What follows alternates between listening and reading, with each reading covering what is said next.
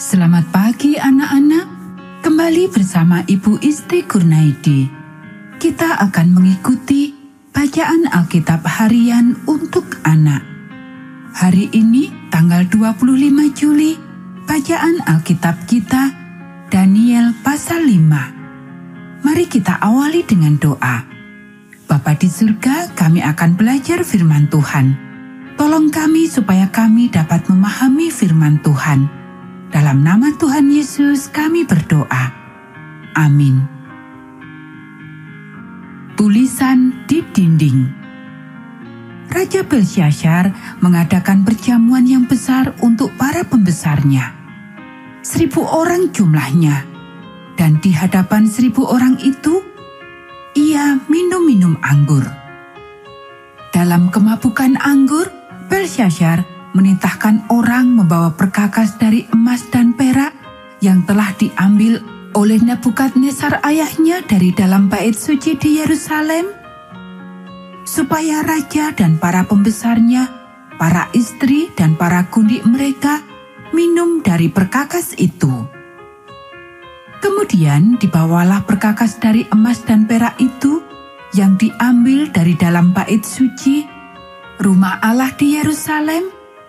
Lalu raja dan para pembesarnya, para istri, dan para kundi mereka minum dari perkakas itu.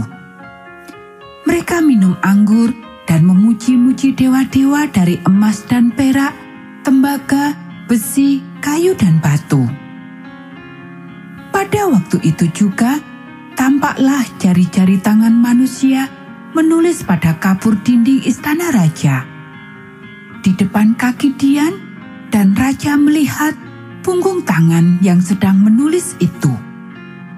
Lalu raja menjadi pucat dan pikiran-pikirannya menggelisahkan dia. Sendi-sendi pangkal pahanya menjadi lemas dan lututnya beratukan. Kemudian berserulah raja dengan keras supaya para ahli jambi, para kasdim, dan para ahli nujum dibawa menghadap. Berkatalah raja kepada para orang bijaksana di Babel itu, "Setiap orang yang dapat membaca tulisan ini dan dapat memberitahukan maknanya kepadaku, kepadanya akan dikenakan pakaian dari kain ungu, dan lehernya akan dikalungkan rantai emas, dan di dalam kerajaanku." ia akan mempunyai kekuasaan sebagai orang ketiga. Semua orang bijaksana dari raja yang telah datang menghadap tidak sanggup membaca tulisan itu dan tidak sanggup memberitahukan maknanya kepada raja. Sesudah itu, sangatlah cemas hati Raja Belshazzar dan ia menjadi pucat. Juga para pembesarnya terperanjat karena perkataan raja dan para pembesarnya itu, masuklah permaisuri ke dalam ruang perjamuan. Berkatalah ia, Ya Raja, kekalah hidup tuanku. Janganlah pikiran-pikiran tuanku menggelisahkan tuanku dan janganlah menjadi pucat. Sebab dalam kerajaan tuanku ada seorang yang penuh dengan roh para dewa yang kudus dalam zaman ayah tuanku, ada terdapat pada orang itu kecerahan, akal budi, dan hikmat yang seperti hikmat para dewa. Ia telah diangkat oleh Raja Nebukadnezar, ayah tuanku, menjadi kepala orang-orang berilmu, para ahli jampi, para kasdim, dan para ahli nujum.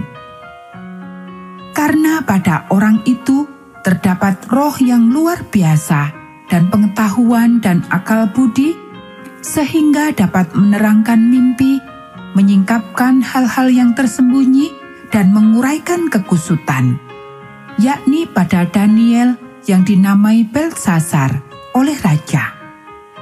Baiklah, sekarang Daniel dipanggil, dan ia akan memberitahukan maknanya. Lalu dibawalah Daniel menghadap raja. Bertanyalah raja kepada Daniel, "Engkaukah Daniel itu salah seorang buangan yang telah diangkut oleh raja ayahku dari tanah Yehuda? Telah kudengar tentang engkau bahwa engkau penuh dengan roh para dewa, dan bahwa padamu terdapat kecerahan, akal budi, dan hikmat yang luar biasa. Kepadaku telah dibawa orang-orang bijaksana, para ahli jampi, supaya mereka membaca tulisan ini dan memberitahukan maknanya kepadaku. Tetapi mereka tidak sanggup mengatakan makna perkataan itu. Tetapi telah kudengar tentang engkau, bahwa engkau dapat memberikan makna dan dapat menguraikan kekusutan. Oleh sebab itu, jika engkau dapat membaca tulisan itu dan dapat memberitahukan maknanya kepadaku, maka kepadamu akan dikenakan pakaian dari kain ungu, dan pada lehermu akan dikalungkan rantai emas. Dan dalam kerajaan ini, engkau akan mempunyai kekuasaan sebagai orang ketiga. Kemudian Daniel menjawab raja, "Tahanlah hadiah tuanku." berikanlah pemberian tuanku kepada orang lain. Namun demikian, aku akan membaca tulisan itu bagi raja dan memberitahukan maknanya kepada tuanku. Ya tuanku raja, Allah yang maha tinggi telah memberikan kekuasaan sebagai raja, kebesaran, kemuliaan, dan keluhuran kepada Nebukadnezar ayah tuanku dan oleh karena kebesaran yang telah diberikannya kepadanya itu, maka takut dan gentarlah terhadap dia orang-orang dari segala bangsa, suku bangsa, dan bahasa. Dibunuhnya siapa yang dikehendakinya, dan dibiarkannya hidup siapa yang dikehendakinya, ditinggikannya siapa yang dikehendakinya, dan direndahkannya siapa yang dikehendakinya. Tetapi ketika ia menjadi tinggi hati dan keras kepala, sehingga berlaku terlalu angkuh, maka ia dijatuhkan dari tahta kerajaannya dan kemuliaannya diambil daripadanya.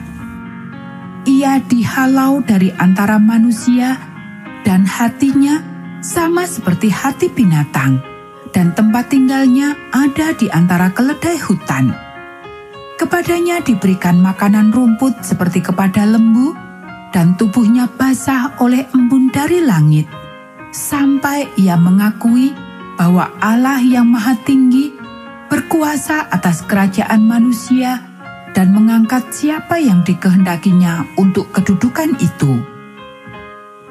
Tetapi tuanku Belshazzar anaknya tidak merendahkan diri walaupun tuanku mengetahui semuanya ini